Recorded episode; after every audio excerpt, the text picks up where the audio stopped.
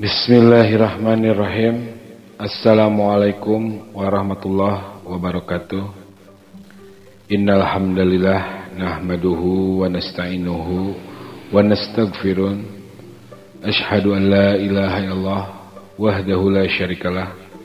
Wa ashhadu anna Muhammadan abduhu wa rasuluhu la nabiyya ba'dah. Amma ba'du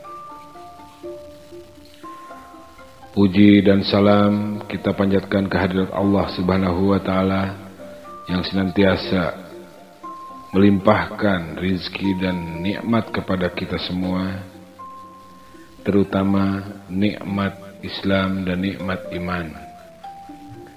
Juga nikmat kesehatan sehingga kita semua masih dapat berkumpul pada hari Sabtu ini dalam acara pengajian tunanetra yang rutin dilaksanakan oleh DPC Pertuni Kabupaten Bandung.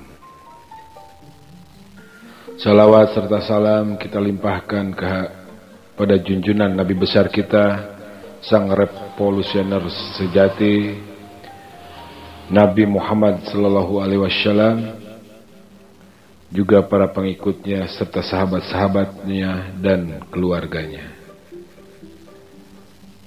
Mudah-mudahan kita terus diberikan syafaat oleh Rasulullah sampai akhir zaman nanti.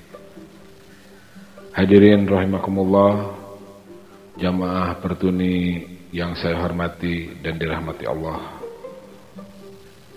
Alhamdulillah sebentar lagi kita akan menyambut datangnya Hari Raya Idul Adha atau yang bisa disebut juga ibadah kurban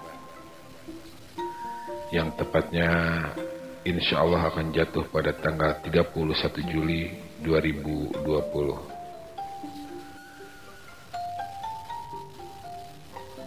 Jamaah pertuni yang saya hormati,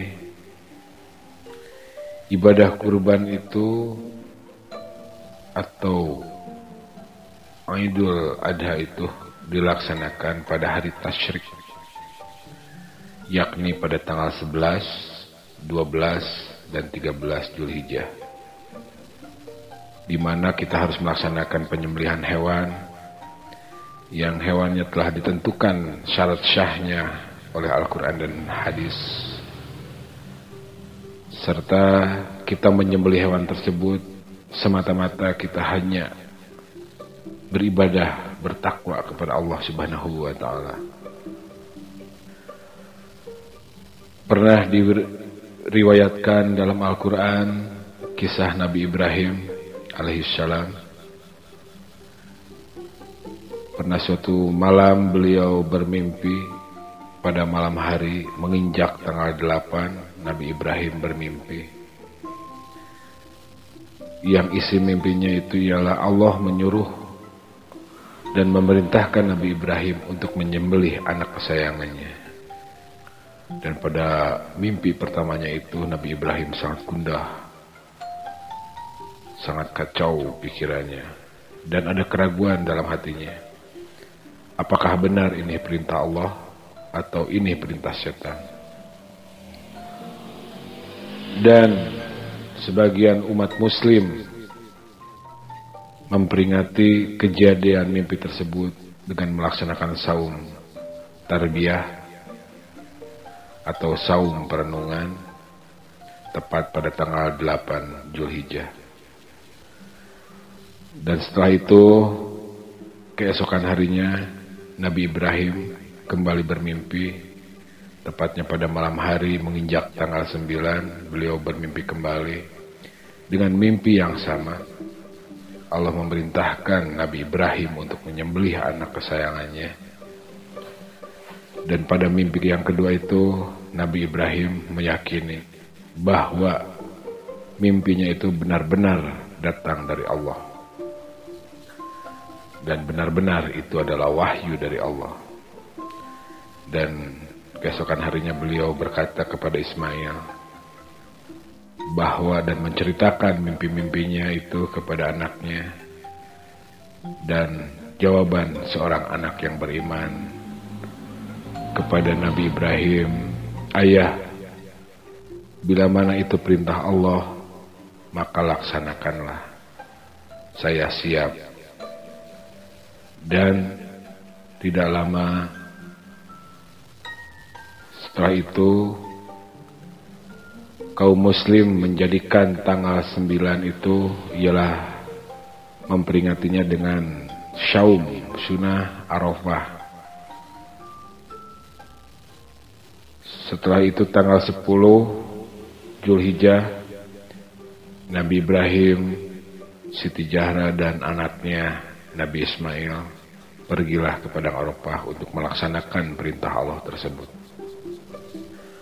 Di tengah jalan, Siti Jahra dan juga Nabi Ismail diganggu dan digoda oleh setan-setan yang terkutuk yang meng, ingin mengagalkan perintah Allah tersebut. Tapi Alhamdulillah Siti Jahra dan Ismail tidak tergoda oleh setan-setan yang mengganggunya di jalan. Setelah Nabi Ibrahim siap untuk menyembelih anaknya, karena ketakwaan mereka, Allah menggantikan Nabi Ismail dengan seekor domba. Dan jadilah tanggal 10 itu ialah ibadah kurban digantikan dengan domba. Adapun hewan-hewan yang syah untuk dijadikan hewan kurban yaitu ada beberapa macam ada beberapa jenis hewan. Yang pertama domba, yang kedua kambing, yang ketiga kerbau, yang keempat sapi, dan yang kelima unta.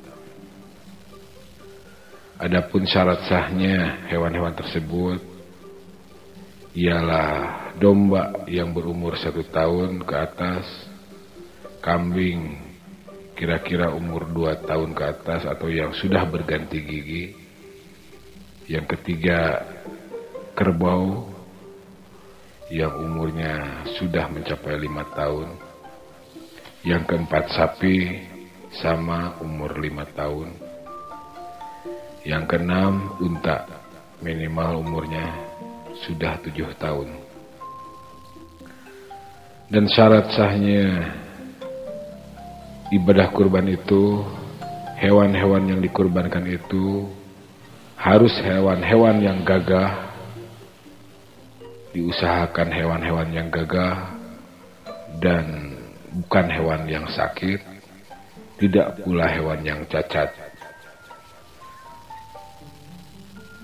sebab hanya hewan-hewan itu yang dapat menjadi hewan kurban di luar itu tidak bisa Jamaah pertuni yang saya hormati dan dirahmati Allah. Idul Adha itu atau ibadah kurban itu ialah sunnah muakkad atau sunnah yang dikuatkan. Maka dari itu, mari bagi orang-orang yang mampu coba diusahakan untuk berkurban. Dan bagi yang tidak mampu silahkan menunggu yang memberi daging kurban sama-sama pahalanya. Dan kita berbahagia pada hari itu. Tidak kekurangan daging dan tidak kekurangan vitamin seorang pun jamaah pertuni yang saya hormati dan dirahmati Allah mungkin pembahasan saya hanya sampai di sini dulu. Mohon maaf banyaknya kekurangan. Mohon maaf kalau misalkan Abah masih harus terus belajar tentang kisah atau tentang hadis, tentang ayat. Tapi mudah-mudahan ini bermanfaat untuk diri saya sendiri, khususnya dan umumnya untuk kita semua Mudah-mudahan ada manfaatnya. Dan akhirul kalam saya ucapkan wassalamualaikum warahmatullahi wabarakatuh.